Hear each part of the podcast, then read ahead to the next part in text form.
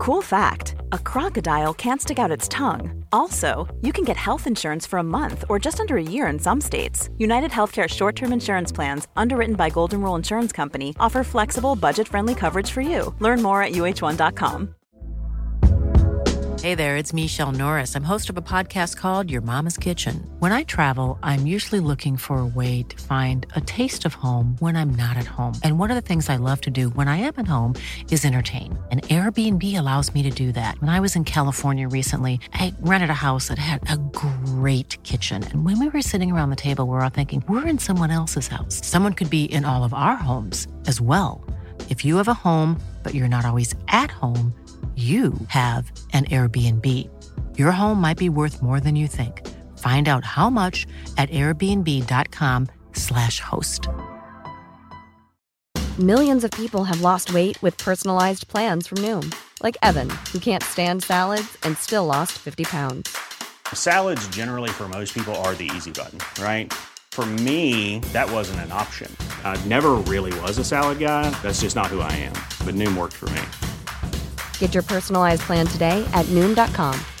Real Noom user compensated to provide their story. In four weeks, the typical Noom user can expect to lose one to two pounds per week. Individual results may vary.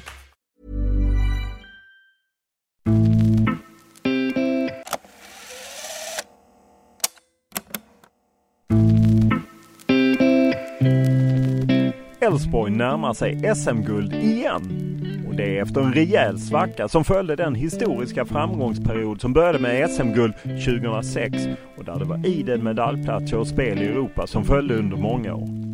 En sak är dock sig lik och det är att Stefan Andreasson är kvar.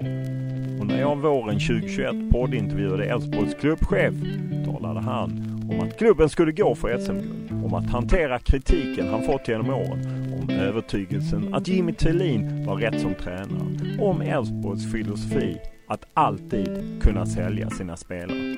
Dessutom pratade Stefan Andreasson om kontakterna med alla Elfsborgsspelare som är ute i Europa, om förhoppningen att få till hemvända, om att Europa Conference League blir viktigt för svenska klubbar, om varför han inte ser något slut i Elfsborg och om att få jobbförfrågningar från Premier League, Uefa och Fifa och nobba dem.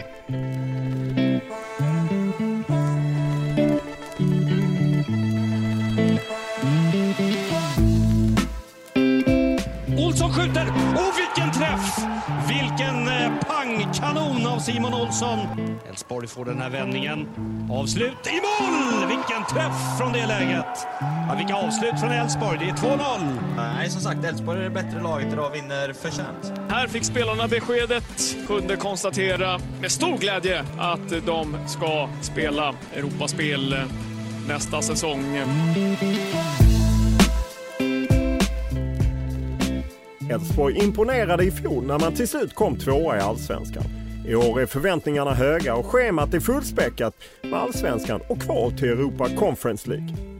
Klubbchefen Stefan Andreasson har en central roll i klubben som han varit trogen i närmare 50 år. Han började som knatte och blev sen spelare i A-laget för att sen växla över till sportchef och nu de senaste 13 åren som klubbchef. Han har varit med på hela resan uppåt från när klubben gick upp i Allsvenskan i slutet av 90-talet och etablerade sig där och sen började prenumerera på medaljer och vann två SM-guld. Därefter har man haft några tyngre år fram till fjolårets andra plats. Och trots förlusten mot Djurgården i årets premiär har Andreasson siktet inställt på ett tredje SM-guld. Vi har ju någonstans byggt en vinnarkultur och utifrån den så vet man så stämmer det ett år så kan man vinna, vilket vi har gjort eh, två gånger. Så den känslan eh, finns absolut nu. Fjolårets succéspelare Jesper Karlsson såldes, precis som en del andra, för att klara ekonomin och för att Elfsborg ska vara en klubb där man kan gå vidare. Och Andreasson utesluter inte att några viktiga spelare flyttar även i sommar. Det hoppas jag verkligen. För återigen, det blir det här oro och ångest för försäljning. Det brukar alltid, ja vad är risken? Ja men det är ingen risk. Hos oss är det inte det. Sen kan man i en minut tycka det är fruktansvärt att tappa en bra spelare. Men någonstans blir det, det är hela vår identitet återigen. Vi, vi ska sälja spelare.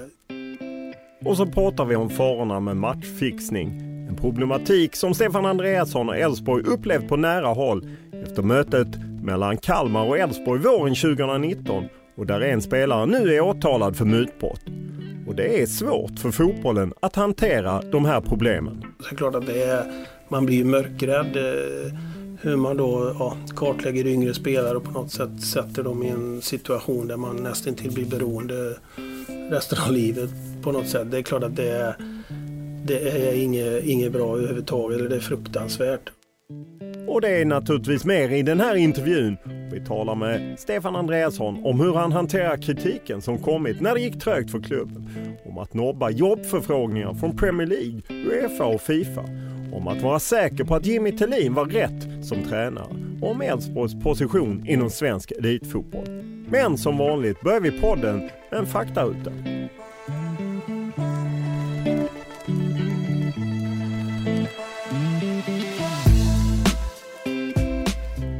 Ålder?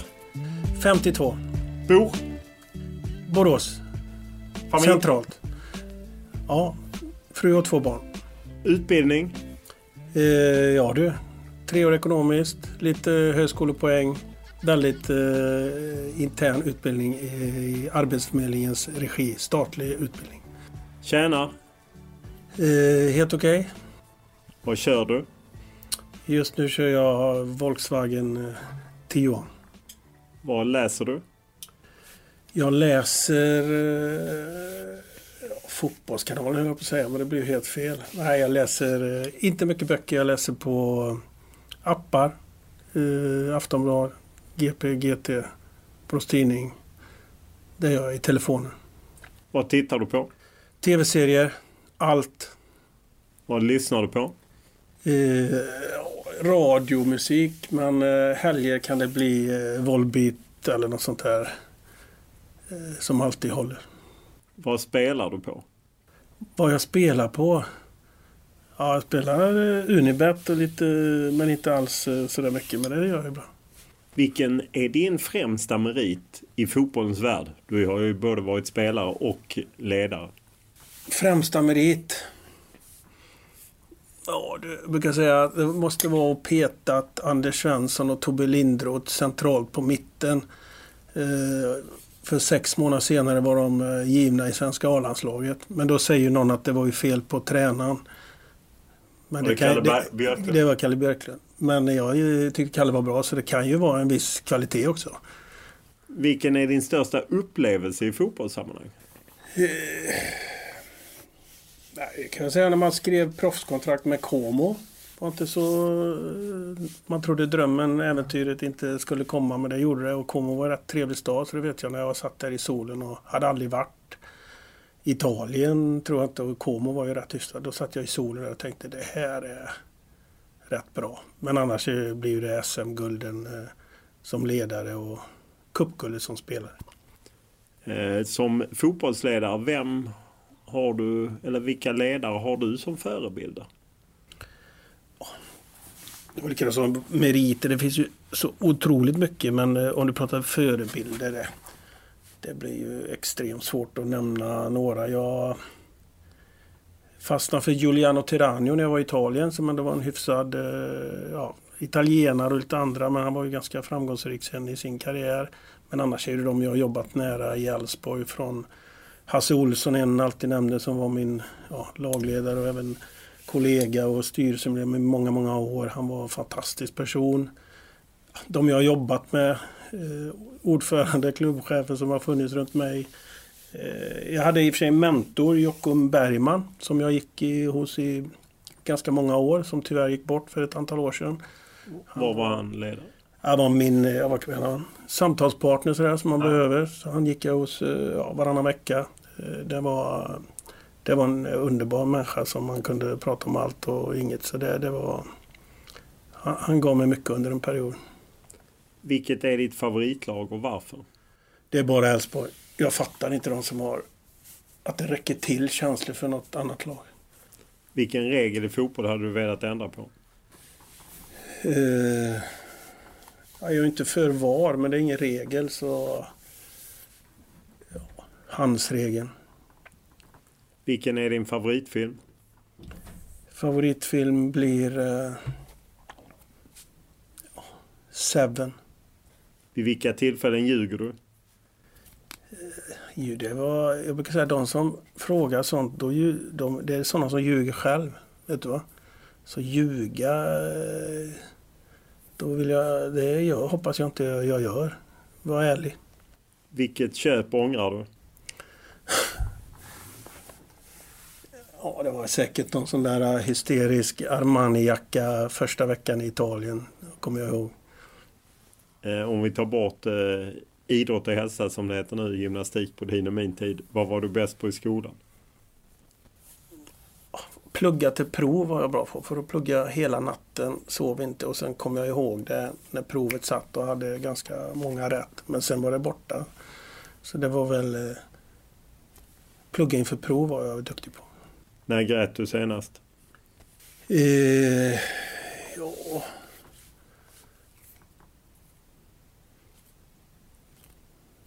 Jag gråter rätt ofta, det säga. Men eh, jag tittade på en grej vi hade på hemsidan som, om Ingesson. Nu är ju han här jämte, så då, då, då, det var en vecka sedan. Då blev det känslor igen. Och då är matchen över. Djurgården besegrar Elfsborg. 2-0 till slut. Ja, viktig seger för Djurgården och, ta den här på bortaplan mot mot ett bra Elfsborg skulle jag säga. Ett eh, riktigt bra under den första halvleken, långa stunder där. Eh, en bra fotbollsmatch fick vi se. Eh, Elfsborg kunde absolut ha, ha vunnit matchen till och med. När vi träffas så är det mellan omgång ett och omgång två i, i Allsvenskan. Ni förlorade efter ändå en rätt bra insats. Vad är känslorna efter 0-2 mot Djurgården? Känslorna är precis som du beskriver. Vi var väldigt bra. Men eh, tyvärr förlora och så är ju fotbollen. Så det är lite komiskt. Det blir ju succé, kris, succé, kris, succé, kris. Även efter första omgången. Men det har ju man lärt sig att det där är inte så. Så min känsla är bra. Vi var, känns som vi är på gång 2021 också. Ja, ni imponerade på många när ni blev tvåa under 2020. Var, var har ni lagt ribban inför 2021? Ja, du, jag sa ju till dig själv, det handlar ju om att vinna.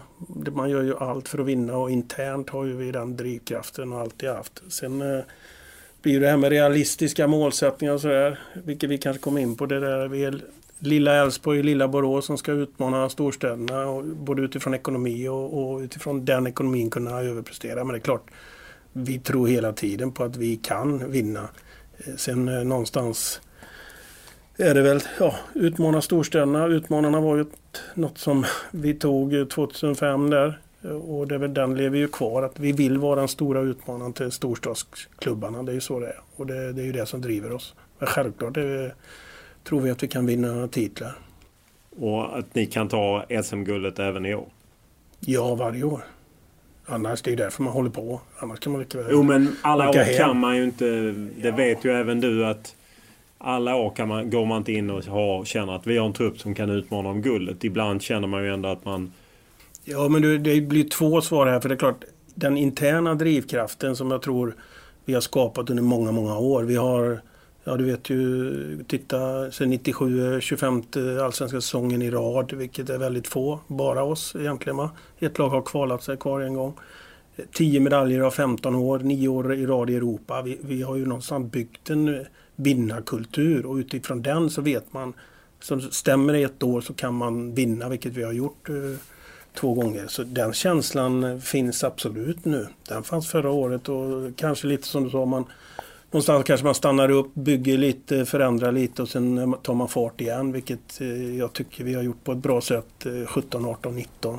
Och... För, för om man tittar tillbaka så jag menar det som började 2005 med arenan och Mattias Svensson, Anders Svensson och allt det som var det på något sätt kanske kulminera 2013 och gjorde en rejäl satsning mot Champions League. Efter det har det varit lite, några tyngre år ändå. Jag menar, ni var nere på en tolfte plats och det, flera år Det är utan. enda gången vi har underpresterat utifrån ekonomi. Ja. Det, eh, men, jag, men, jag, men du fattar vad jag menar. Att det går liksom lite ner. Och nu känns det som att ni är upp, uppåtgående igen. Upplever du det samma? Eller tycker du att det har varit likadant hela tiden? Nej, men jag tror vi delar in det lite. Som jag brukar säga 97 till 04. Upp i Allsvenskan och spela på Ryavallen. var det någonstans att okay, etablera oss, hänga kvar i princip. Och sen kommer Arena 05 och då får vi en viss ekonomi och kanske hamnar lite högre upp. Och så har vi de här åren egentligen 05 till 16 där vi hela tiden är med i medalj och Europaspel. Vilket är fantastiskt i sig. Sen någonstans så ja, har omgivningen förändrats. Eh, vi, ja, det blir en framgång inte för evigt och, och en, om en dipp är att bli, ja vad blir det, 8, 12, 8 eh, och sen om man bara lägger på medaljplats och hamnar 8, 12, 8 så tror jag att det är, man kan klassa det som en dipp. Jo, men då menar jag de tre åren kanske om jag tittar tillbaka. eller vad, vad är man mest stolt över? Det finns massa grejer. Men just att man klarar av en dipp utifrån den här brutala eh, världen vi lever i. Det är resultat, resultat varje vecka. Precis som vi beskrev första matchen så är det succé eller krig. Att vi klarar av en dipp och att dippen är 8, 12, 8 och så är man tillbaka och har en ny resa eller en ny plan på något sätt. Det tycker jag är enorm styrka. Utan att säga att nio år i rad i Europa är också en framgång. Men det jobbet som krävs från samtliga inblandade. Att inte dippen blir ner i superettan, hela föreningen utbytt, tappat sin identitet och allting. Det, det, det ser ju man kanske andra var du rädd ett tag det, de åren när ni faktiskt var nere på nedflyttningsplats i perioder att, att ni faktiskt skulle trilla ner? Nej, det, det har jag aldrig känt. Eller det, jag känner någon gång kanske det kommer men nej. Jag är inte mycket för det här med oro och ångest och eh, i alla fall inte förmedla det för det är min roll i det jag jobbar med. Utan det är ju absolut, jag blev kallad, alltid kallad naiv och tror att vi kan vinna eller tror att vi kan men, men, det är ju någonstans min drivkraft att vara positiv. Jag har varit positiv i pandemitider. Jag, jag tror ju jag är väl positivt lagd och drivkraft för att vinna. Utifrån det så har jag aldrig känt så. Sen visste jag att det här kommer ta tid.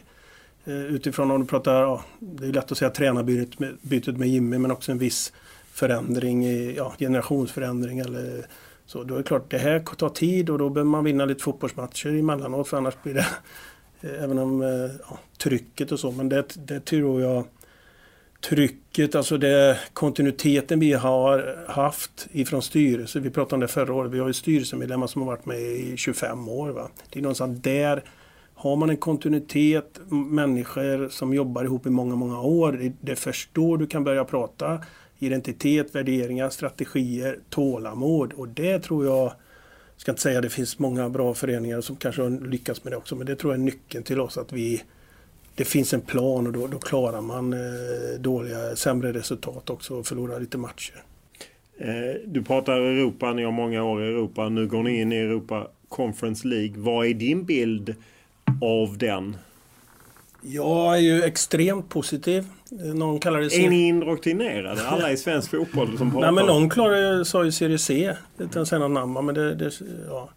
Absolut inte. Sen, vi har ju längtat efter Europa eftersom vi hade de här nio åren i rad och, och det är ju det som är säga, extra krydda på, för både för spelare, ledare, förening. Ja, status i, för Europa är viktigt eh, och synas och märkas för spelare men också erfarenheter. Vet du hur mycket pengar det handlar om? Jag vet det som jag är med i ECA och, och, och, har väl rätt koll på det. Nu tas det på en sista kongress här men känslan är ju att först sportsligt för det handlar om att vinna titlar, det är därför vi håller på. Det är klart att det blir större chans i Conference League att gå längre. Det, det är ju givet, vilket är positivt. Sen eh, pengarna, eh, om vi om det inte händer något väldigt konstigt så kommer det vara samma pengar som Europa League. Ja, för Niklas Carlén, när jag intervjuade honom i podden sa han 3 miljoner euro ungefär. Att man, om man går in i gruppspelet. Gruppspelet, ja, ja. Men om du tittar även kvalomgångar och sådär. Men det är klart, gruppspel är ju den stora ja, st stora höjningen. Och utifrån de pengarna så är ju det stora pengar för ett allsvenskt lag fortfarande. Så kan det finns en ekonomi det... men det finns också en sportslig möjlighet. Tror du du kan locka folk till det som ändå blir en, i min värld, lite av en tipskuppen? Du, du är gammal nog minnas tipskuppen Ja, men det roliga någon sa att vi har varit med när allt har både startat och lagts ner. Om det var inte Toto, Uefa-cupen, Europa League var vi med första året. Nu är vi med första året i Conference League. Så det, det är väl någon trevlig koppling. Men jag tror det, här, det är klart det handlar om status och skapa status men allt det fotboll, lag som vi kommer möta kommer ju säkert, det kan ju vara Sevilla, Arsenal eller kommer vara eh, ja, nu är nordiska, så dåliga så att det är möjligt. Ja, nordiska eh, topplag och sånt där så det, det, det, är ändå jag hoppas och tror att publiken eh, Det handlar om att se Elfsborg men dessutom ett nytt motstånd som man inte har sett innan med mycket supportrar. Då tror jag det spelar ingen roll om det är Europa League eller Conference League. Eh, vi som eh, följer det här utifrån och kanske inte är lika positiva som du har ju ändå sett liksom en dipp och så en andra plats förra året som var överraskande. Hur högt rankar du den andra platsen? Jag sa någonstans också, tror jag, att det kanske är den största framgången vi har haft. Men då tittar jag på ekonomi och överplacering, överprestation. Jag tror jag har sagt det till dig tio år tillbaka men det är ingen som har lyssnat eh, riktigt tycker jag. Men nu börjar man prata lite ekonomiligan och förstår det. Eller förstå ska jag inte säga men det är ju tyvärr har ju fotbollen blivit brutalt kommersialiserad och de större ja, gapen ökar. Det är klart att Champions League, Europa League och Conference League-diskussionen är inte så positiv utifrån alla pengar hamnar ju till slut i de större turneringarna. Eh, och likadant till ligafördelning och sådär. Men eh, jag tycker nog att andra platsen Ekonomi för åtta. Nu var vi uppe på sjätte plats när man summerar 2020. Väldigt positivt. För det är ju lite mitt, mitt uppdrag att skapa så mycket pengar som möjligt. Men det är klart en överprestering på fyra, fem placeringar. Det är, men det, det är ju det vi tror på. Vi tror, och det är väl tjusningen med Allsvenskan att Sverige inte, om inte Elfsborg vinner tio år i rad, så, så är ju det grejen att alla kan vinna. Och även Malmö då med sin ekonomi ser vi att det går att utmana än så länge. Men det är klart att Malmö har ju en ekonomi som eh, gör att de blir favorittippare, vilket är inte så konstigt. Men tittar man på tvåa till tia så skiljer det inte så brutalt procent mycket utifrån dem. Och då går det att göra saker. Då går det vinna utan att ha mest pengar. Och då är det att hitta det Så unika. då rankar du nästan det som bättre än SM-guld? Tyvärr, det blev ju inte så med tanke på hur året var och att man inte kunde... Ja, jag har blivit mycket, mycket sämre på att njuta. Tyvärr, fira framgång hade vi alltid en gammal ordförande, eller gammal är han inte, men en ordförande som var imorgon. Man ska fira framgång. Ja, var det Bosse Johansson? Ja, Bosse alltså? pratade mycket om det. Och det, det, har man nog blivit sämre på vilket är tråkigt. Jag hoppas alla andra i Elfsborg firar, firar andra platsen och njöt av den. För det, det, det, det ska vi vara stolta över. Knappt har sista omgången i Allsvenskan avslutats innan nomineringarna till Allsvenskans stora pris presenterades. Och som årets tränare är J Södras förre tränare Jimmy Tellin en av de tre nominerade. Sen ett par år tränar han Elfsborg som i år blev tvåa i Allsvenskan. Eh, om man ser eh, den som har lett tränaren är Jimmy Tillin som ju nu har gjort tre säsonger här men var ju väldigt ifrågasatt i, i början får man ju säga medan du höll fast eh, och klubben höll fast. Hur, hur tufft har det varit? Jag behöver vara inne på det lite. Jag tror när vi gjorde ett val av tränare, vilket vi är väldigt stolta över tränarvalen vi har gjort alla år tillbaka tror jag. Även de tränarna ni sparkade? Ja, men spad och, ja, vi kan ta en lång diskussion där. Sparka är ett brutalt ord utan jag tror inte de som var hos oss uppfattar det på det sättet. För när du väl anställer en tränare så ja, är det, det fyra är ändå... år. Ja, du måste skriva ett fyraårskontrakt. Jo, men det är ju ändå retorik. håller om... i ett, två, tre år. Det vet om Jörgen Lennartsson och Magnus Haglund får lämna under pågående säsong. Då är det svårt att kalla det något annat än att man har blivit sparkad. Ja, ni gillar ju att slänga ut de orden. Vi gör ju inte det. Nej, jag fattar men det är ju du som... Ring Magnus Haglund och fråga om han tyckte han blev sparkad. Nej ja. men skit, skit i det. Jag, jag, jag intervjuade honom efter vad det blev 08 på Malmö stadion då han sa... 1-8. 1-8, förlåt jag hade fel på ert tröstmål. Då sa han jag ska vara kvar. Två dagar senare fick han gå. Så uppenbarligen hände ju någonting. Nej, han fick inte gå efter 1-8. Jo, några dagar senare. Eller dröjde det någon match vi vann guld eh, året efter. Nej, 1-8 Har du haft fel? Nej, 20, detta är ju 2017. Jaha, men det, jag tror du tänkte på 2005, 1-8 mot Djurgården. Nej, Vi har nej, inte fått stryk mot... med 8-1 någon mer gång. Ja, men varför, vad blev det mot Malmö? Malmö stadion tänker du på? Ja, nej, men jag tänk, vad blev det mot Malmö då? Jag har förträngt den matchen. Ja, det förstår jag. 0-5. Kanske. Nej, det blev 0... mer. Kevin Stor Ellegard kom ut och slaktade. Jo, jag vet. Jag kommer eh, ihåg. 05, 0 hoppas jag det blev. Inte 06. Jag kommer inte ihåg riktigt. Det var en stor, det var en stor förlust. Det var det. Eh, måste jag ju bara därför ta reda på det. Eh, 6-0. Han ja, blev sparkad 6-0. Eh, då har vi Sparka, vi åt... Vi, ja, okay. Han blev inte sparkad. Han vi åkte åt lunch ihop och var ja. överens att vi har gett allt. Och vi, vi lämnar dig Grym tränare. Ja, ihop med Wettergren och Absolut. även andra vi har haft. Men om vi kommer till Jimmy Thelin. Ja, Hur kom det sig att ni backade upp liksom honom när det blåste så eh, snålt? Och resultaten uteblev? Jo men det, det, var ju som jag beskrev där 05 till 16 så var det någonstans. Vi hade en identitet. Det var Europa, det var framgång och så någonstans händer det saker i omgivningen så ekonomin, håsen eller hur man ska uttrycka det med 12,5 i snitt och alla. Så var det någonstans att vi behöver göra, vi behöver göra en ny resa och hitta, hitta något nytt. Och, och, och det är klart, det vet du att tränaren eh, har en viktig roll i Elfsborg, eller managern som vi kallar det. Och, och, Jimmy var ju någonting som jag tror alla visste då att det, det är någonting ja, det är någonting nytt. Eh, jag kan prata mycket om, om Jimmy, men det, det är ju en ny, ny, typ av tränare och då kände vi att Jimmy är ju våran person när vi träffade honom. kände vi att det här är rätt för oss. Det här är någonting nytt och, och med det menar jag att Uh, jag brukar säga proffsfotboll har vi haft i 20 år i Sverige. Det är därför jag känner att det finns hur mycket som helst mer att göra fortfarande. Uh, och, och, Jimmy uh, med, kom ju in med nya idéer och kanske skulle ändra om det sen är spelsätt, träningskultur, värderingar, kultur. Det är inget ont om det som fanns men vi var ju på det rätt hårt också att vi vill göra en förändring. När vi inte har mest pengar, vad kan vi göra istället? Och då är det att titta på fotbollen, vad kan vi utveckla där? Och det var Jimmy eh, som hand i handsken att han, han är den som eh, kan göra det med Elfsborg. Och visst, det kommer ta tid som jag sa i början. Det kommer ta tid men vi kommer ge det tid. Så det var aldrig överhuvudtaget någon diskussion om någonting fast vi inte vann alla matcher och kanske ni tyckte att det var för dåligt eller vad det är. Vilken... Aldrig uppe på kartan och därför är jag det är lätt att sitta här idag och säga ja nu är allt bra, titta. Men återigen, man är på nästa vecka, nästa match, 21 och så får vi se. Men jag, jag är väldigt glad eh, att vi, och jag tror många tyckte att vi höll fast. Vi har aldrig haft någon diskussion. Jag är väldigt glad, för, Jimmy, Jimmy, jag är väldigt glad för Jimmys skull. Utifrån, du vet också hur det är i den här eh, galna världen emellanåt med sociala medier och både för spelare men för ledare när det går emot. Det trycket man får och det, det, det unnar jag inte någon.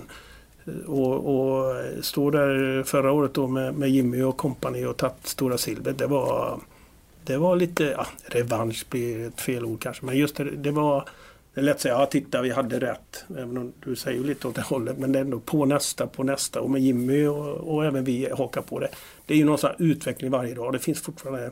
Det är därför jag är kvar kanske. För man känner varje dag är någonstans ett nytt jobb. Det finns nya utmaningar hela tiden. Vad är det viktigaste han har tagit med sig? Utanför den skull att det andra behöver vara dåligt. Allting behöver utvecklas så att säga. Vad är det viktigaste han har tagit med sig?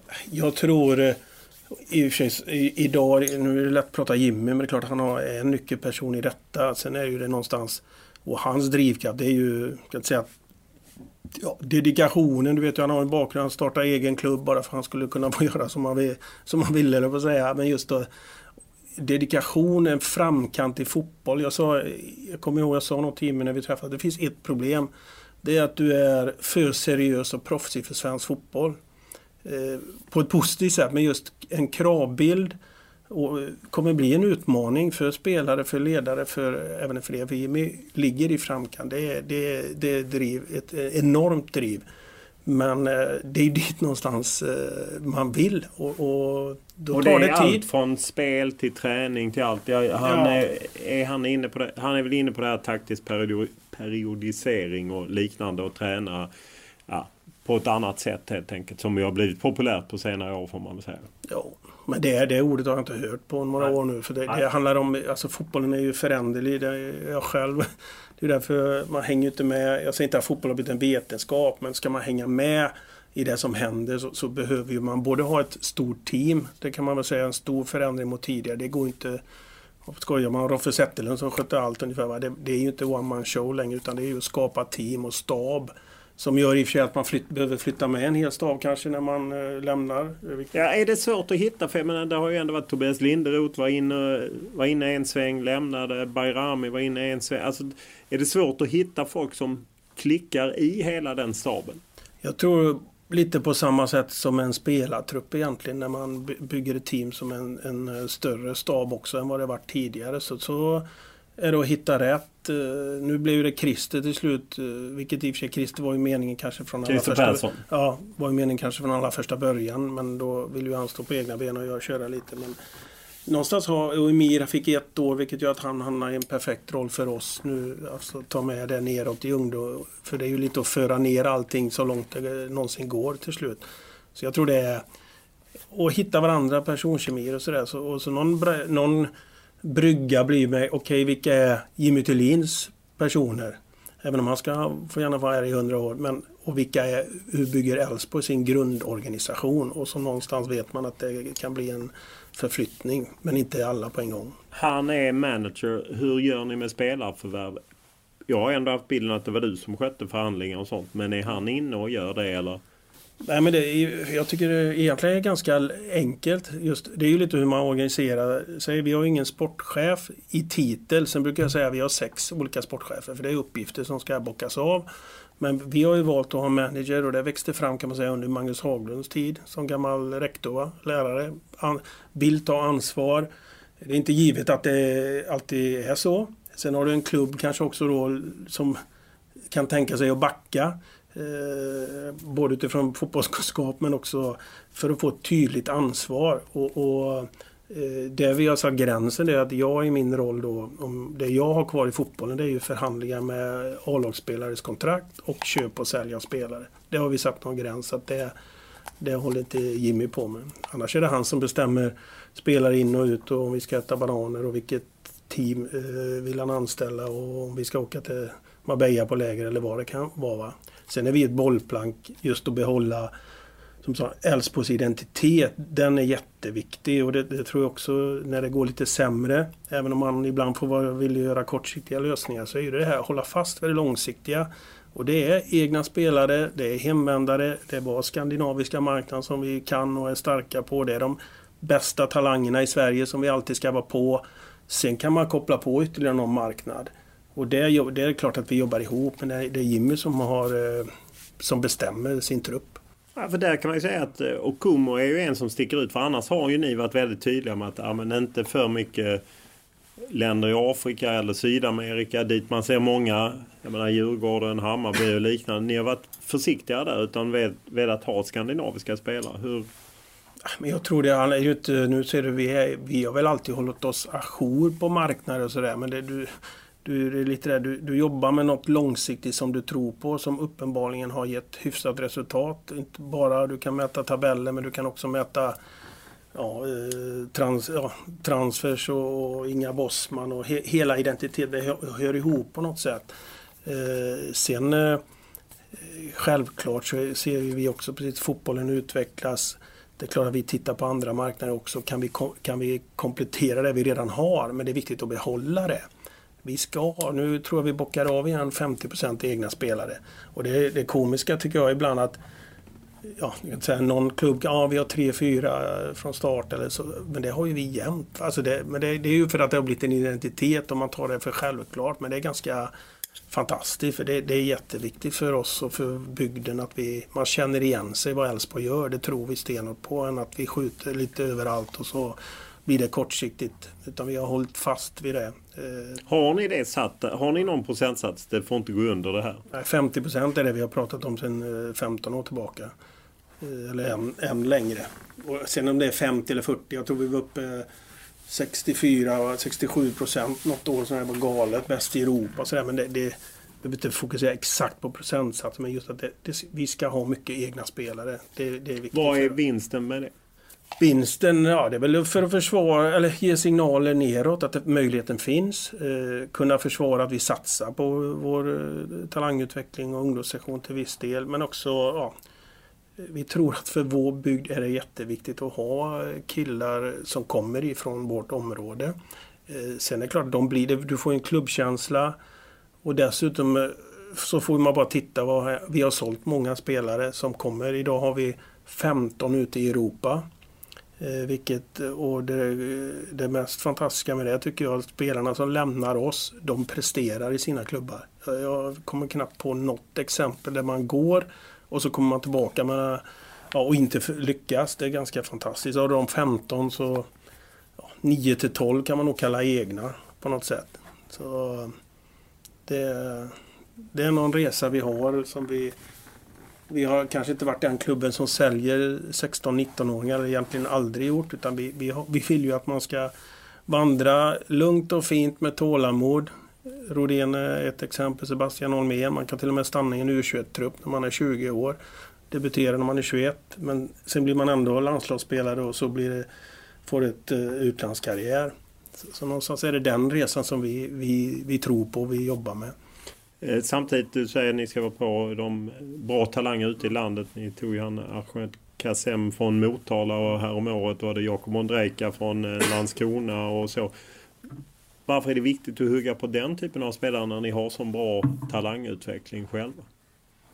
Nej, men vi, vi vet att vi attraherar dem. Eller vi, vi har vi har möjlighet att, att, att, få dem. För de vill hit, de ser, det märker jag nu, eller kanske än mer än något år tillbaka. Vi har ju en verksamhet där man ser att komma till Elfsborg så kan man nå sin maxpotential under tränarteamet. Man kan vara med och utmana, för det är precis som är viktigt. Kan man krydda med Europa, men så ser man också att vi släpp, man går iväg till bra klubbar och får en karriär. Det, det är ju hela ja, argumenten för eh, för Elfsborg och då, då är ju de största talangerna i Sverige är ju, lyckas vi oftast med att locka hit.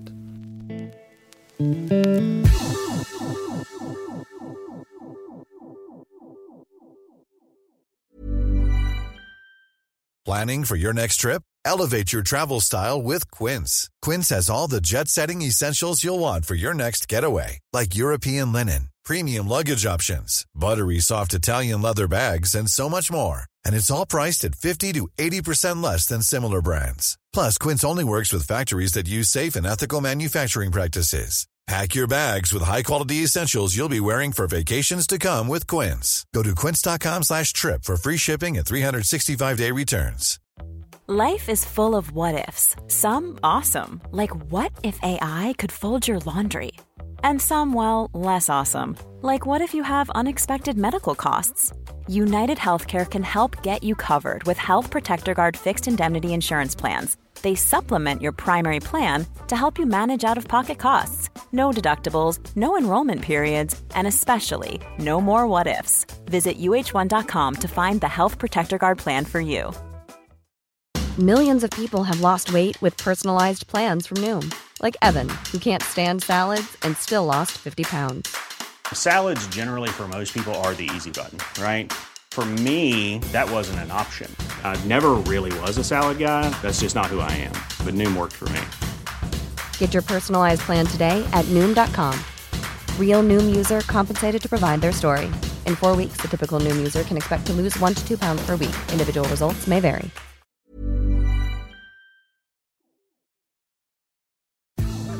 Stjärna som kommer här mot Karlsson och vilket mål av Karlsson!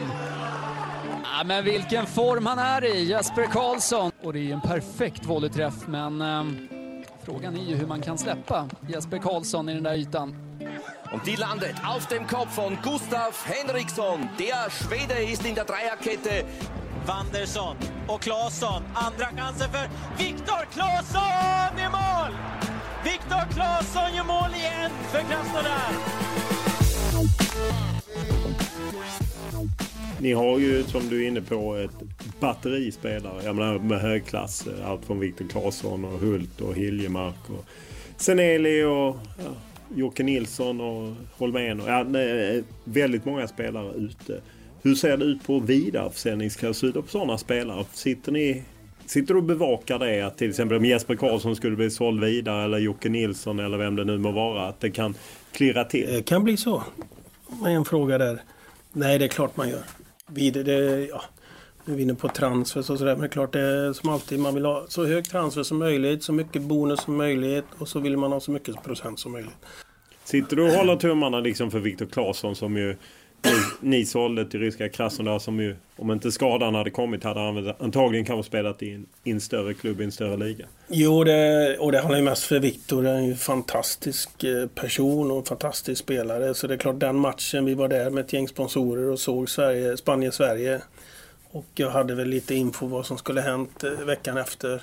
Vad skulle hänt efter? Ja, han hade gjort en övergång som hade gett Elfsborg, ja, framförallt glad för Viktor. Men också eh, givetvis bevaka för Elfsborg och så blev, kom ju skadan. Så det var... Hur mycket pengar hade det varit för Elfsborg? Mycket pengar. Alltså 25 miljoner eller något? Ja, det kanske inte är så långt därifrån. Och till någon av de större ligorna helt enkelt? Ja. Men han kommer dit i sommar. Det vet du redan? Nej, det vet jag. Jag vet inte allt. Men det är klart att det är väl känslan utan att Viktor är ju lojal och han trivs ju väldigt bra men någonstans är väl utmaning, eller ja, vill väl möjligheten att få spela en större liga. Det är väl det som är läge nu kan man tycka. För han har fortfarande kontrakt med ryska Krasnodar. Det löper inte ut sommar. Nej.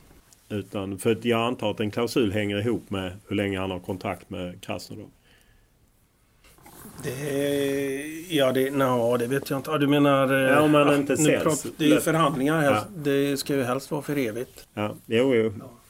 Eh, hur, eh, för det var ju naturligtvis extra tungt för Viktor Claesson. Men hur var det att se det för x antal miljoner försvinna på det sättet?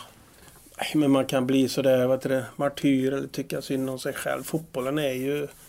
Det har man väl i och för sig. Det var som eh, Ri, ja, om du pratar största besvikelsen. har du inte frågat än. Det är nog Rio Ave. Ja, jo, när ni inte gick vidare Ja, gode min skapare. Det var ju... Och Ingesson på plats i, i rullstol som han coachade oss och Det var helt galet. Och så är vi vidare. Jag tror till och med vi supportrar och sponsorer. Vi sjöng och så 20 sekunder kvar vid ja, bollen och så gör de 1-0 och så är vi ur och så 40-50 miljoner. Det var tungt.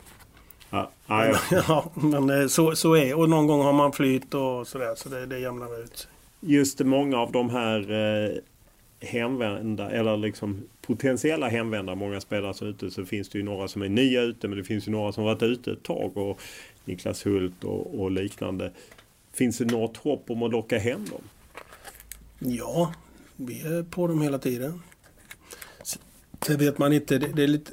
Eh, det, vi behåller ju relationen med allihopa. Det det, ja, jag har väl givetvis en viss roll där, men det är mycket med spelare. Men jag lite, det spelar ingen roll vad jag säger många gånger. När man kollar med Elfsborg så kollar man med spelare som är här eller har varit här. Och där har vi fantastiska ambassadörer i de som är ute idag. Jag tror, om du kommer ihåg innan pandemin där så hade vi hela gänget som var utomlands så gick man in ihop och samlade in pengar och gav till Elfsborg. Det var en del som undrade, ja, varför gör de det? Ja, förmodligen för att de trivdes och gillade oss. Det var ganska, det var en stark eh, aktion tyckte jag. Men sen, sen är ju tajmingen när spelare ska vända hem. Det, det är lätt för, för oss att sitta, men då ska han hem för då är han 29 år och är perfekt och då har vi en plats där. Det funkar ju inte så. Utan det är ju har vi en identitet till hemvändare så när det är läge och de eh, vill komma hem så kommer vi göra allt för det. Givetvis utifrån kvalitet till viss del men det du beskriver är ju alla dem. Och vi hade diskussioner i somras med Hult och Hiljemark, det kan jag ju säga. Men då så blir det också ganska lätt sådär. Men ja, man vet att så, man ska... När man väl är utomlands, man vet eh, ja, kort tid man har kanske som fotbollsspelare så är det att vara där ute och så länge som möjligt om det bara funkar och, och kanske högre kvalitet och det finns en viss ekonomi. Men, eh, så vi, vi pratade om det men sen fick ju de två nya bra utmaningar och så får vi se när nästa läge är just med de två. Eh, om man ser till pandemin som ju ritat om fotbollskartan får man ju ändå säga mindre pengar rent generellt. Tror du det gör det lättare att få hem hemvändare? Att det inte är lika lätt att hitta bra alternativ ute i Europa? Det beror ju hur bra de är. För det, var ju, det sa man väl när det här kom att det här kommer ju i princip eh, inte finnas transfersummor eller hur man, nu man kunde uttrycka det. Det jag märker, jag, vi hade intresse, jag tror samtliga våra spelare plus eh, fem, an, ja, eh, fem spelare ytterligare hade vi intresse för efter året. Och det är klart, det var med sportsliga prestationen. Men också kanske att vissa ligor såg Elfsborg och Sverige som en marknad där man, eftersom man kanske inte hade råd att vara på vissa marknader. Det tror jag gjorde att vi kanske hamnade i ett bra läge just nu.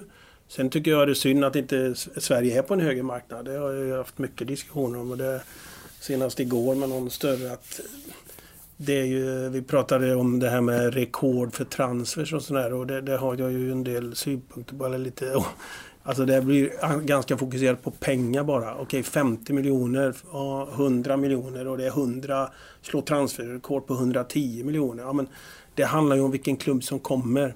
Vi, när vi mäter, ibland gör vi det, vilka, är vilka är våra mest framgångsrika försäljningar. Då mäter vi ut efter hur mycket procent vi får ut av den klubbens omsättning. Det är så vi ser en affär. Varför är det intressant? Jag vet, jag läste det, Det att du du fattat 7 procent av AZ ja, eh, ja. omsättning. Ja, men det är någonstans för att, för att inte hamna i det här godtyckliga. Jag tycker Jesper Karlsson är värd 150 miljoner. Men det spelar ingen roll jag tycker det. Vad, vilken klubb kommer? Hade Everton kommit, ja då hade det förmodligen varit en annan grej. Och det är väl det tror jag vi har ska säga, ett gemensamt ansvar, även eh, du kan, i din roll förbundskaptener, agenter, klubbar, att höja allsvenskans status. För, för det finns brutalt mycket bra fotbollsspelare i, i Sverige. Ja, så är alltså, ju det. det. Det är inte våran uppgift att vara inblandad i det. Men det är Nej, ju men svensk jag fotboll... försökte få dig med på det. Men Ja. det är klart, om, och då kommer, vi säger om Everton kommer och så väljer man en svensk spelare som etta i sin position helst. Eller det kan vara två också. Varför ska den vara billigare än när man går till Norge eller Kroatien eller Frankrike? Det, någonstans är det ett lång... Det, det tycker jag är fel egentligen. Jesper Karlsson var ju ett tungt tapp från eh, förra säsongen sportsligt men en viktig försäljning ekonomiskt. Var du ändå förvånad att det fanns så mycket pengar just med tanke på all rädsla som fanns kring pandemin skulle ta bort transfersummor? mycket pengar. Man vill alltid ha mer och sådär. Och Jesper kanske man... Men det blev ju bra. Eh, och återigen, vi är, aldrig, vi är otroligt stolta över Jesper och glada. Eh, att han eh, ja, kämpade på här. Han gjorde sina år och, och, och till slut visade han alla hur bra han är och så att någon klubb köpte han på ett vettigt seriöst sätt. Så, så, sen att det, vilka pengar som fanns till slut. Men kommer AZ med deras plånbok så blir det någonstans, ja men det här är vad man ska betala. Hade de kommit och velat ge 10 miljoner då hade det inte blivit av. För, för där, där, Det blev 27 eller något. ja, du får spekulera i det. Det är ju sekretess. Men eh, vi var nöjda. Ja, eh, Ekonomiskt också. Man Ni släppte ju ytterligare några spelare. eh, Gustav Henriksson, Sivert Heltner, Nielsen som försvann och Rami Kaib. eh, Hur mycket tapp är det liksom? Eller måste man göra sådana avbränningar? Att ja, men vissa spelare får man släppa inte det blir några jättesummor. Ja, alltså, jag är jättesummor. Om du pratar, ja, Rami hade gjort sin eh, resa på något sätt. Om du pratar, det som jag pratade om från början. Han kommer till oss som börjar gymnasiet, gör sin resa, slår sig in i A-laget. Hade ju en, ja, var ganska het ett tag och sen kämpar med någon skada och sen så är han 24 år och så får han chans att gå till Heerenveen. Alltså det blir, vi, vi jobbar mycket med ja, en, ett förtroende mellan spelare och klubb. Det, det är lätt, det eh, tror jag också med kontinuitet och så. Annars blir det, annars blir det bara business. Om man är, och jag sitter här och vet att jag har kört tre år så jag skitlar vad som händer med eh, Elfsborg eller relationen med en spelare. Det går inte. Och när Rami får möjlighet att gå till Heerenveen som ändå man får säga, även om eh, jag tycker Elfsborg är bättre än Heerenveen ibland, men så är det ändå ett steg som är sportsligt. Jag inte kan säga helt fel, utan det är rätt. Och sen så gör vi så bra affär vi kan med Heerenveen. Då var det rätt för, för, för Rami. Eh, likadant med Gustav som också har kämpat från hela den resan och få möjlighet att gå till Wolfsberg som är ett ganska, ja, eh, nu har de inte vunnit så mycket det sista och Tottenham, Tottenham hade de jobbigt mot va, men det var ändå en fantastisk möjlighet för Gustav. Så man blir ju glad. Sen vill man ha så mycket pengar som möjligt men ändå vettiga upp, eh, upplägg för de två. Sivert blev ju en annan, ett annat case egentligen även om han också var här en kort sejour. session eller ett och ett halvt år och gjorde ju enorm påverkan just i den perioden vi var som vi pratade om innan. Att han får en möjlighet att komma. Det var ju snack om brann och återkomst dit men den märkte du säkert att det tog, blev ju inte av. Det tog lång tid i alla fall. Sen när han fick en möjlighet att spela utanför Skandinavien första gången då också en vettig diskussion för att tvinga kvar spelare eller den dagen vi säger nu har vi sagt nej men då gör vi det i i, i, i, en, i en dialog med spelaren. Är det rätt att gå till den klubben? Det har vi haft många sådana diskussioner. Jag brukar alltid ha med mig det när man pratar om eh, vissa spelare gärna. Men kommer du ihåg när du grät när du inte fick gå till Cypern? Ja, jo, jag kommer ihåg det. För det, det, det, man måste förstå att det är ju drömmen. Också. Alla vill iväg.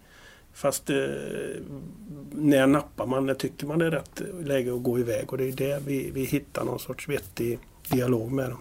Hur, hur eh, stor sannolikhet är det att ni säljer i sommar? Och Como, Simon Olsson förlängde ni i och för sig med On- Ondrejka Vi placerades förlänger alltid. Jag vet, inga Bosman-fall. Eh, Nej men hur, hur stor sannolikhet är det att du faktiskt säljer någon eller några av de viktiga pjäserna i Elfsborg i sommar? Det hoppas jag verkligen. För återigen, det blir det här oro, ångest för försäljning. Det brukar alltid, ja vad är risken? Ja men det är ingen risk. Hos oss är det inte det. Sen kan man i en minut tycka det är fruktansvärt att tappa en bra spelare men någonstans blir det, det är hela vår identitet återigen. Vi, vi ska sälja spelare. Kommer rätt klubb på rätt sätt, då har vi en dialog och så lämnar man. Var nobbade ni förbud på Okomo i, i vinter? Om du pratar Okomo just så är det klart vi är ju enormt glada att vi hittade han på ett, på ett sätt som kanske som du skrev var kanske på en annan marknad än vad vi har varit på innan och sen den utveckling han har haft. Och även om vi fattade väl ganska tidigt att det här är någonting eh, riktigt, riktigt bra. Eh, och sen har väl Sverige fått upp ögonen eh, för han när vi blev tvåa men kanske också sett lite mer. Så det är klart han kommer ju ha en karriär utanför Skandinavien. Sen om det blir sommar eller när det blir, men det är klart att det är stort intresse. Vilka bud fanns i vinter? Vilka exakt? Ja. Det får du aldrig med att säga, men stort intresse har ju funnits. Likadant med Simon Olsson som eh, kanske ännu... Ja, det, det, är lite det med tålamod. Simon är 24 år i år. Eh, vi har nog sett potentialen eller kvaliteten i 4-5 år tillbaka. Men Visst, små steg och, och det har funnits massa. Jag har suttit med Simon här eh, tio gånger om eh, idéer och erbjudanden. Men jag känt, och det har jag också med miljön vi har. Finns det ett steg till? Kan jag nå lite max till och så kommer det bättre klubbar. Och det kommer eh, för Simon Olsson. Han kommer också ha en karriär utanför. Helst ska han in i A-landslaget helst. Innan i och för sig. Men då kan, då, det brukar alltid höja värdet lite. Det brukar vara på Wettergren ibland. Men det, det, det, är ja, två det har varit många Elfsborgsspelare i landslaget. Alldeles för lite om du frågar mig. Men eh, de gör det fantastiskt bra. Men är Olsson och Koma är ju två, men även flera. Men det, det, det är det man... Det är bara positivt att vi har spelare och så kommer det nya. Det var ju... Det blev ju ett bra ekonomiskt resultat. Mycket på grund av försäljningarna förra året. Plus 15 miljoner efter några minusår i den här dippen så att säga. Eh, hur viktigt är försäljningar i den delen? Att, att jämna ut och se till att ni har ett bra eget kapital? Jag tror inte någon eh, förening gör plus minus noll i driften på bara sponsring, publik, SEF-medel eller centrala medel. Även om vi, det har ju vi som något uttalat mål eller drivkraft och att spelarförsäljning i Europaspel ska bygga egna kapitalet. Men där är ju man inte än. Så spelarförsäljning behöver vi göra varje år. För att, ja, det är ju det här, eh, ja, våga satsa och eh, så spelarförsäljning behövs och det är ju en del av verksamheten.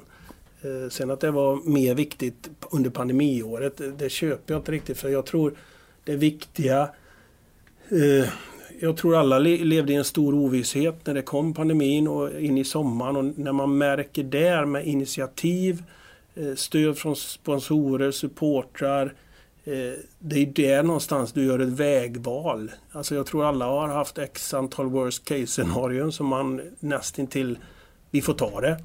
Fast när man får dem, eh, den energin och också känslan, men vi får ett stöd. Statliga stödet var jätteviktigt i en sån period. Vad gör vi? Ska vi titta på att lägga ner ungdomsverksamheten? Ska vi ta bort x antal på kansliet för att ta ner bort någon annan verksamhet? Det är där man var någonstans. När det kom, då, då kände man, nej, vi fortsätter. Och, och spelarförsäljning behövs givetvis. Så jag tror inte... Hade en, en av alla de här fallit bort, stöd supportrar, sponsorer, statligt, spelarförsäljning, då hade det inte sett ut som det gör.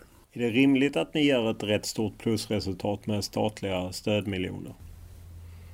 Ja, det där är en... Eh, utifrån de kriterierna som fanns så är det självklart att vi som idrottsförening ska söka som alla andra och, följa de kriterier som gavs från regering. Det tycker jag är självklart.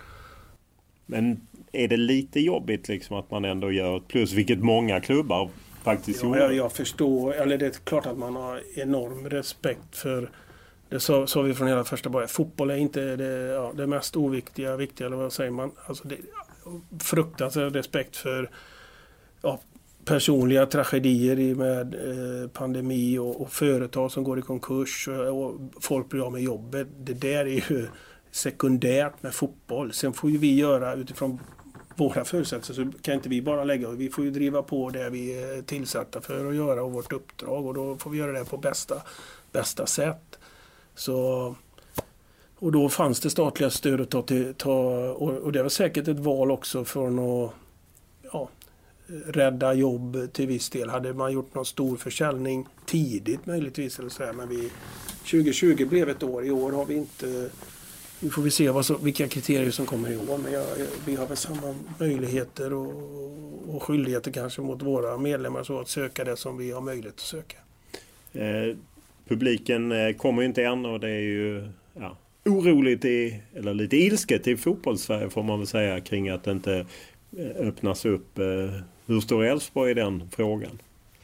Jag tror vi som jag sa innan, enorm respekt eh, från början. Sen, sen är det klart att man själv som lekman i allt detta så när man ser inomhus och, och kriterier som finns där kontra utomhus och kanske också smittan och så. Men det, jag tycker det är svårt när man, man får lita på experter brukar man alltid säga. Men det är klart när man själv så tycker man att fast kan vi inte få chansen att visa att vi klarar av att sköta ett ett arrangemang utomhus med X antal. Det är klart att vi längtar efter att få göra det.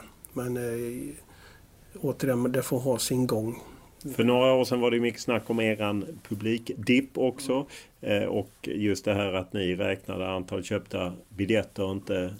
Och då vet jag ju att du har sagt att det skulle tas ett SEF-beslut vad som gäller. Har det tagits ett SEF-beslut vad som gäller? Vad ska allsvenska klubbar räkna? Två, två, två siffror ska man ha.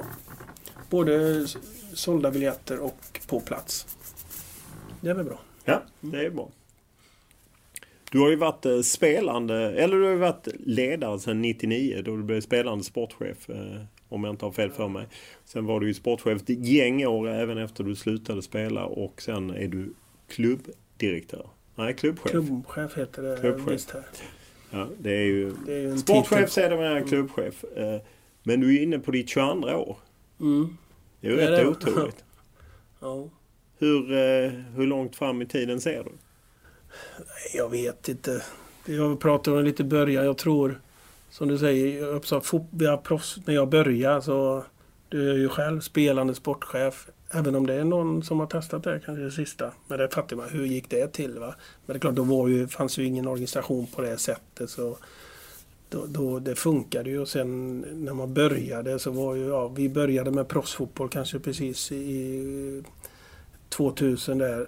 Så, så någonstans, det har ju hänt så enormt mycket. Jag, när jag spelar fotboll jobbar man heltid och spelar fotboll efter i princip. Så, så någonstans har ju man varit med på hela utvecklingsresan och då blir ju det aldrig slentrian eller det är nya utmaningar varje dag, varje år. Prioritera. Det händer ju Men hur mycket som helst. Hur orkar du? Det är ju en fruktansvärd arbetsbelastning. Det är ju mer en livstid än ett jobb när man pratar med andra sportchefer, klubbdirektörer, VD, vad ni nu har för titlar. Jag, säga, jag får prata med klubbdirektörer då. Ja. Sportchefer vet jag inte. Nej, men du fattar vad jag menar. Jag vet, jag hur tror... orkar du med det? Nej, men jag tror Nej, det kan man ha. Jag brukar prata med kollegor för jag tror ibland det är svårt. Jag är ingen martyr säger alla har mycket att göra. Det är ju bara vad man gör. Man kan jobba dygnet runt i alla yrken förmodligen. Och, och sådär. Så det är någonstans, man behöver umge sig med människor med energi, som ger en energi. Vara ett team, det är ju där man är född i ett lagspel och så. Så någonstans blir man får drivkraft. Sen kan det säkerligen många gånger varit tufft och tråkigt eller man förlorar och alla gnäller eller vad det nu Men det är ju någonstans, har man valt den Eh, så finns det givetvis gränser var det går och det tycker jag går över ibland eh, utifrån att ja, prata med kollegor och så. Det är det jag pratar lite om det med kontinuitet och inte den här hysteriska resultatfixeringen. Det där kan jag tycka är jobbigt ibland att man, man eh, ja, folk får säga vad de vill och sådär men det där, hur orkar jag? Det känns som det är nytt, det finns hela tiden att göra. Fint. Utmaningar hela tiden, nya människor. Eh, det går inte att ha ett bättre jobb när man väl eh, när jag väl ska svara på frågan så. Vilken eh, tanke finns kring en successionsordning? Det är ju ändå så att du kan inte köra för evigt och du är ju väldigt mycket Mr Elfsborg på något sätt som varit med under hela den här resan som gått i olika etapper. Vilken tanke finns att klubben faktiskt ska kunna ersätta dig om du går vidare? Ja, det är nog inga problem. Jag har varit i Elfsborg 47 år kom jag på. Det brukar mm, någon säga. Men... Om, ja, ungdomsspelare. Ja. Det är också ja. en resa. Men nej. Jag tror vi, vi... Det tror jag kanske är nästa steg. Det är lite så här, vi, man har ju en viss peng och det är en omsättning som man kan dra in så mycket som möjligt. Det hoppas jag att vi lyfter. Och vad gör man med de pengarna? Jag tror när vi tittar på det så det gäller ju att generera så mycket som möjligt till fotbollen. Jag tror procentuellt utifrån vår omsättning så är vi rätt starka. Eller vi vill så mycket som möjligt till fotbollen. Men det, man får också, nästa steg kanske är att satsa än mer på ja, kansli, sportkontor eller vad du nu kallar det. Och för, för det, det, det behövs. Och, och, utifrån det så känner jag att jag jag ska inte säga delegera bort allt. Du ser, jag behåller vissa saker i fotbollen. Vi har på marknaden, man är ganska involverad, så har vi eh, ett antal duktiga vi hade försäljningschef som vi har på plats nu som konsultbasis i och för sig. Så någonstans blir det eh, någon oumbärlig människa. Det har jag svårt att se att man är. Men jag, jag har inte tänkt på vem ska ta över tänker du på sådär? Men nej, alla, nej, alla har sån... Mer bara en tanke att man har ändå en successionsordning om något. Jag lyssnade på en eh, lokal podd med Stefan Ishizaki var med och någon annan i radio tror jag det var. Där de sa att de visste att du hade fått eh, jobberbjudande både från Uefa, Fifa, SEF. Då blev jag nyfiken. Vilka jobberbjudande är det? Vad var det för jobb du skulle göra åt de organisationerna? Ja, men ja. Ishi jobbar här ju nu som Ja, jag vet. säljare. Du träffar Ja. jag. Ja. Det känns fantastiskt bra. Jo, men nu glider du från... Jo, jo. Nej, men det... det jag, jag, det, det du säger nu egentligen, det kan vara sådär, även om jag blir trött ibland på ja, egoism, även om jag kanske själv är det eller har varit det, jag vet inte. Men det är just det här man ska prata om sig själv, vad man ska säga. Ja, om du pratar jobberbjudande eller man har gjort något bra och sådär. Det, här- det har jag blivit rätt trött på. Så jag brukar inte, men någon gång sådär när man, eh, om man sitter med någon som pratar mycket så kan jag ibland, om han säger något namn och sådär, eller kan vara lite agenter ibland tycker jag är lite komiskt när de, tycker, de ska säga vilka de känner och sådär. Och så, ja, jag har ju varit med i ECA, jag ska inte säga men jag känner ECA för de som inte vet, European Club Association, så, storklubbarna. så är det, jag känner ganska mycket människor. Och har väl också lätt för att få en viss social relation med flera. Så, så många i, i, i fotbollen i Europa känner jag personligen väldigt bra. Så då brukar jag säga det ibland. Ja, ja men du menar han och han, vi var på semester då. Ja, det, tro, ja, då blir det att de inte tror på det nästan. Men det, och det är väl lite som med jobb. Det är klart att jag har jag har väl fått några jobberbjudanden under åren här. Men det har aldrig, aldrig varit aktuellt. eh, Vad har du, kan du ge någon karaktär? Vad, vad för typ? Några... ja, ja det, jag vet inte. Jo, det är klart du kan. Det är ju intressant att höra. Ja, men du sa ju vad du sa. Ja, nej, men vad skulle du gjort för Uefa eller Fifa? Ja, men jag, ena, ena gången jag tänkte, för återigen, alla känslor är Elfsborg. Det finns inte i världen att jobba för någon annan klubb eller något sånt där. Sen har det varit någon, en gång var det någon, eh, hade en Premier League-klubb. Det, det hade jag nog lyssnat på, eller lyssnade lite på. Men det var, eh, Det var en Premier League-klubb som hörde av sig det till var x antal år sedan. Men ändå Vad ville de att du skulle göra? Manager eller? Tränare? Nej, nej, jag men, nej, men eh, mer men det- technical director eller vad är det? Ja, ungefär så. Ja, du skulle göra deras spelaraffär. Ungefär så. Ja, men det, det är väl alltid roligt när man blir... Varför nobbar du Premier League? Det föll inte på plats riktigt eh, med de personerna som skulle vara med heller och sådär. Men det var rätt spännande. Men det, jag hade inte... Jag är Kan ändå inte det lockad när man har gjort så mycket i Elfsborg att testa något annat? Att jobba för Det- stora Så tror jag organisationer? man tänkte innan. Nästa utmaning och sådär. Men återigen, det, det, det tar till slut på utmaningar i Elfsborg någon gång. Eh, innan kanske var det agentgrejen och sådär. Det är klart men nej, den är inte Att du har fått frågan om att bli agent? Ja, men den är jag inte avundsjuk på den branschen. Kasta sig in där. Men förutom att få välja tio superspelare så bara har de möjligtvis eller där. va. Nej, de gör eh, hårt jobb och, och kanske också i en väldigt speciell bransch. Så jag, jag är nöjd där jag är. Sen är jag Du har ju, under resan så har det ju byggdes ju på något sätt storyn att det var du och Bosse Johansson som kom in sen, eh, Bosse Bank kallad. eh, Han var styrelseordförande då under framgångsåren ni skapade. Sen lämnade ju Bosse Johansson och du blev kvar och så kom ju den här, det som vi andra utifrån upplevde som en dipp. Eh, då blåste det ju rätt snålt och folk vände sig mot dig och, och så. Hur upplevde du den tiden? Jag tror jag, ska inte säga jag är immun mot det, men det är klart du är ju själv 22 år i den här branschen så det är klart att man har varit med där det blåst ordentligt. Eh, och det var nog tidigare än första åren där.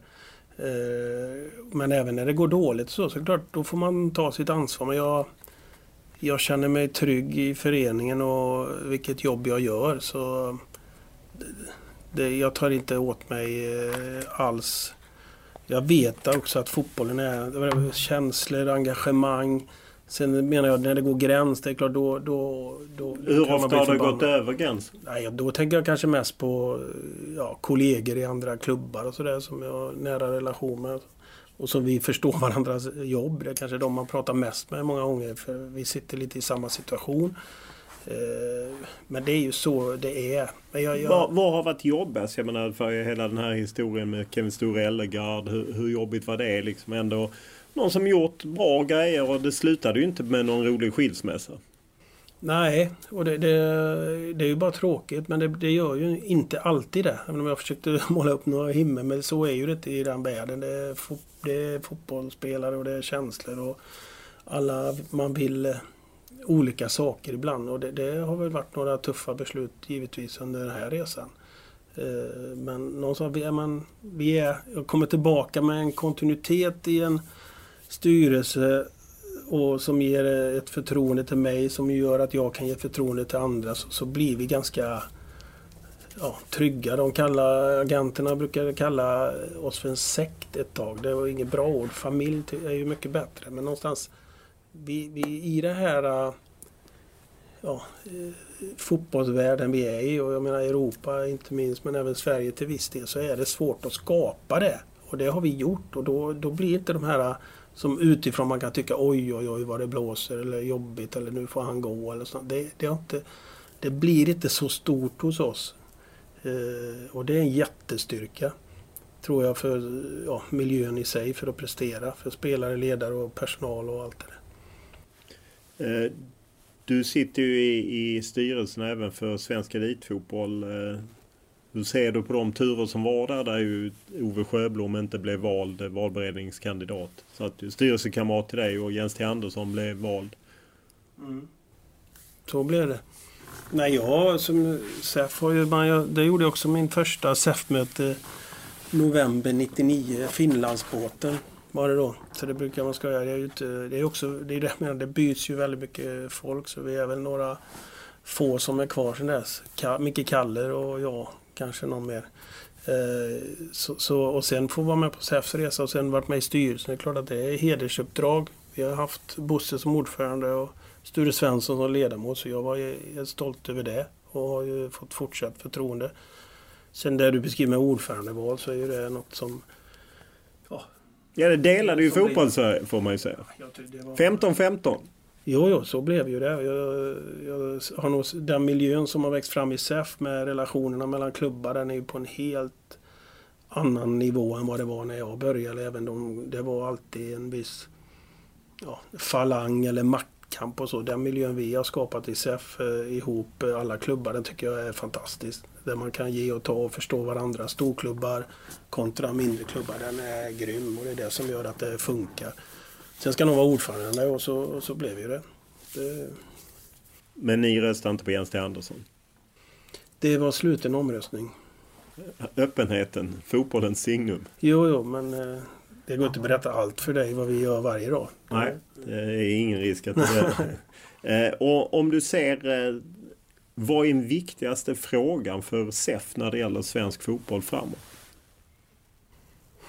Ja, bra fråga. Det är lätt att prata om öka intäkterna eh, och ha krav på det. Men det är klart tv-avtal, spelavtal och det är klart, det, det är klart eh, nu är inte jag den här digitaliseringen, finns det ytterligare en, ett ben att stå på vad det gäller centrala intäkter så är det enormt intressant och det jobbar ju vi med nu. Eh, och utifrån det också kunna ena klubbar och det, det har man gjort i de stora avtalen.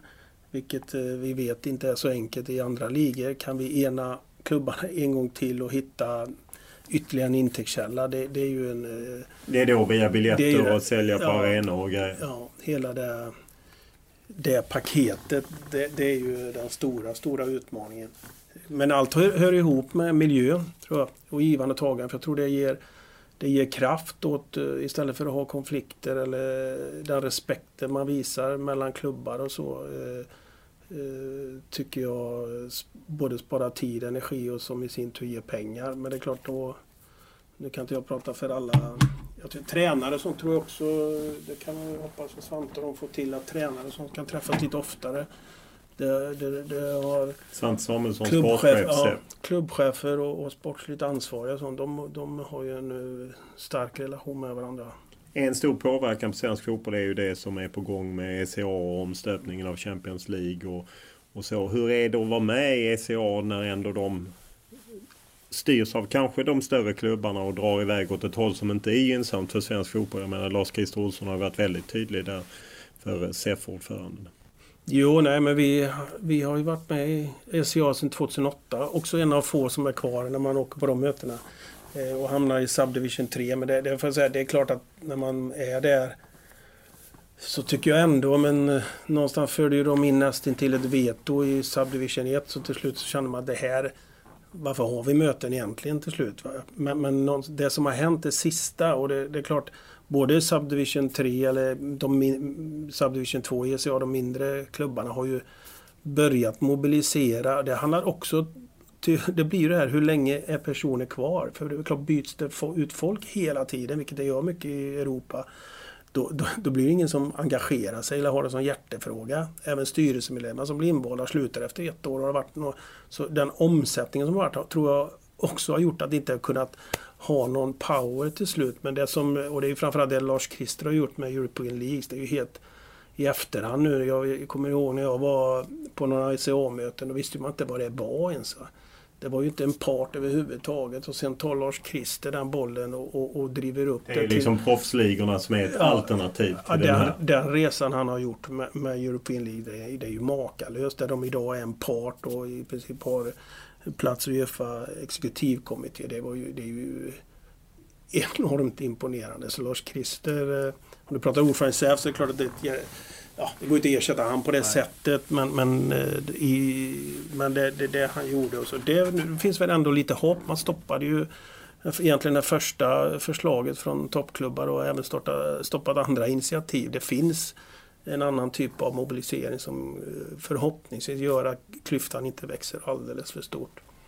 Var eh, säger du att det är ni emot i Elfsborg? Ja, det är klart på samma sätt som om du pratar svenska fördelningsprincipen vi har så har vi ändå, tycker jag, hittat en solidarisk allsvenska superettan och även fördelningarna där. där blir klyftan för, för stor för man, där får man slåss på hemmaplan med sina förutsättningar och, och fördelar, storstad kontra andra kanske. Om vi redan i centrala medel sätter klyftan för stor då, då, då till slut har vi ingen allsvenska som är oviss och till och med eh, lilla Elfsborg kan vinna någon gång. Eh, och när det gäller VAR, Video Assistant Referee, det är ni emot? Frågar du mig eller? Ja, vi är emot som förening. Jag personligen är ju eh, också emot det.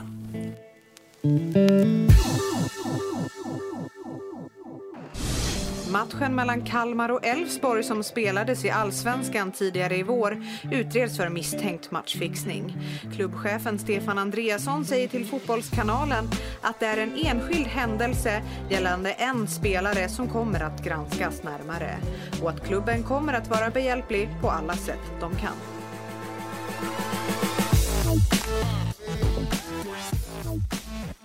Eh, Även en annan eh, aspekt som ni har drabbats av är ju matchfixning. Vi ska inte gå in på hur och exakta detaljer. Men det, det är ju eh, knutet till en match Elfsborg-Kalmar. En spelare där som gjorde någonting. Hur, vilken fara finns i det här liksom med matchfixning? Spelare som spelar mycket och liknande. Ja, som du beskrev, även om jag tror vi alla har fått den informationen man ja, eh, kan få. Sen kanske man blir mer just hur, hur polisen, gårdar och kompani jobbar med detta och när de beskriver hur det går till så, så är det klart att det är, man blir mörkrädd. Eh, hur man då ja, kartlägger yngre spelare och på något sätt sätter dem i en situation där man nästan till blir beroende resten av livet på något sätt. Det är klart att det är, det är inget, inget bra överhuvudtaget, eller det är fruktansvärt. Och det vi kan göra det är ju det är ju på något sätt att försöka se signaler, informera. Eh, och det, det, är ju, det är ju förkastligt. Det är ju fruktansvärt. Hur kan man förhindra det? Kan man ha klausuler i kontraktet att de inte får spela och liknande? Jag tror, ja, det blir väl lite så. Jag vet, nu har vi stoppat spel på all fotboll idag i, ja, inom SEF-familjen. Jag vet i andra länder kanske man till och med tagit det än längre att man inte får spela på fotboll och så. Men det är ju ett, det är ett samhällsproblem överhuvudtaget. Och det är i och för sig om du pratar elit i, ja, inom fotboll kanske och hockey så finns det en större procenttal för risk. Så, så någonstans, vad kan vi göra? Det är att informera, se signaler. Sen om det är att sätta någon gräns eller att man inte får. Ja, jag vet inte om det är lösningen. Men det är väl att hålla alla tummar för att polisen kommer åt den typen av eh, personer som, som uh, har, har, har det här som någon sorts affärsidé.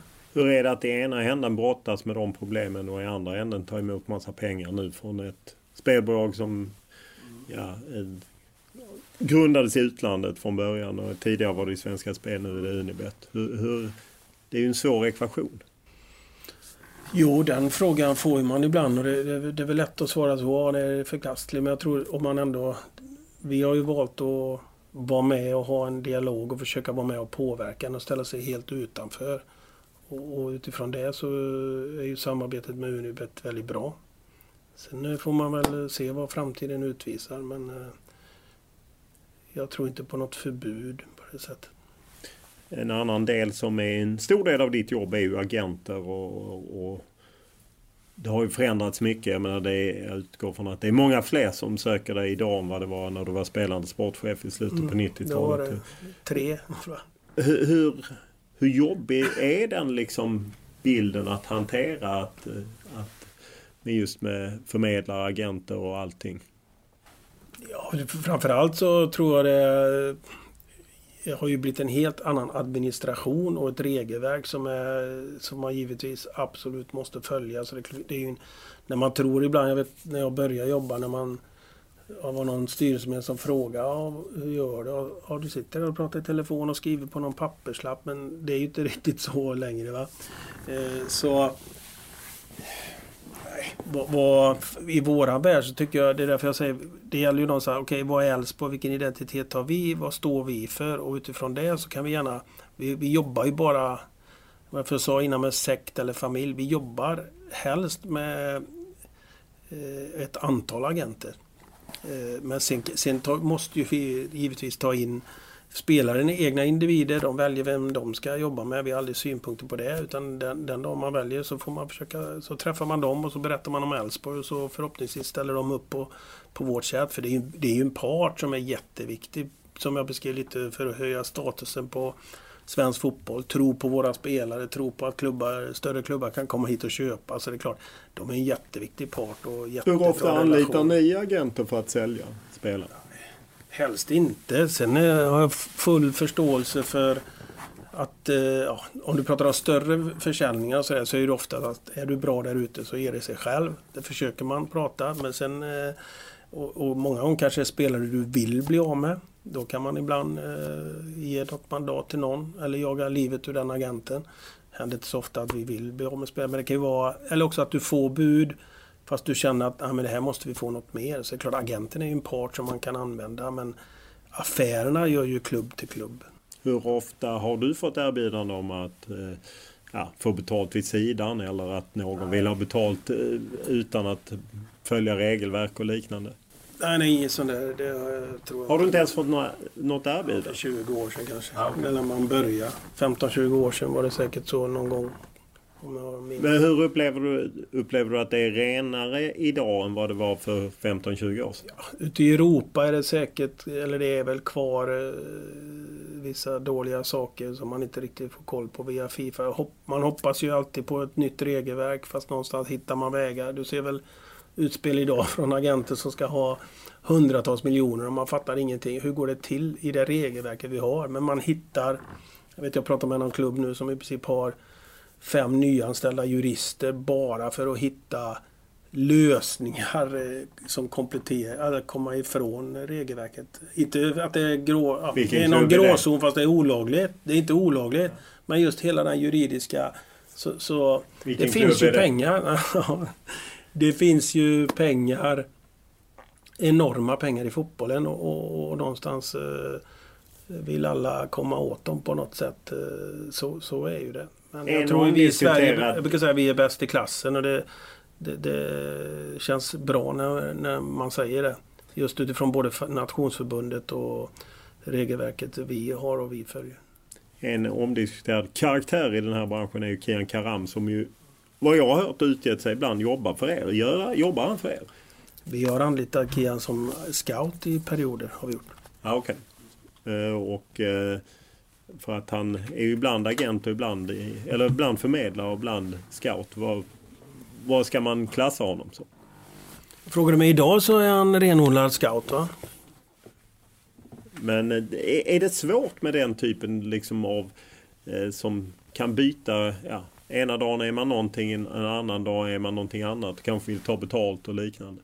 Ja, men tycker, ja det är möjligt. Men idag, det regelverket vi har och hur förbundet jobbar så tycker jag ändå till slut det är ganska enkelt att följa det. Och, och håller man sig till det hela tiden då, då, då blir det också en trygghet i ja, men så här ska man göra. Och då har vi ja, både vilka som är registrerade.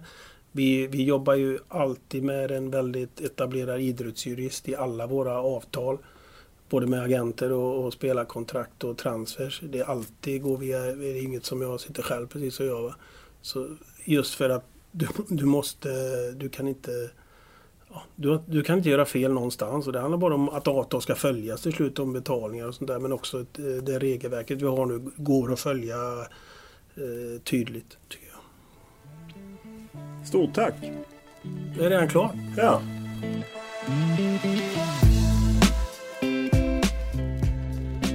Podden är den här veckan producerad av Julia Karlsson och klippt av Daniel Eriksson. Vi tar som vanligt tacksamt emot alla synpunkter tankar, idéer, önskemål eller vad det nu må vara. Och enklast är alltid att mejla mig, olof.lund.tv4.se eller skriva till mig på Instagram eller Twitter och då är det Olof Lund som gäller i ett ord. Stort tack för den här veckan!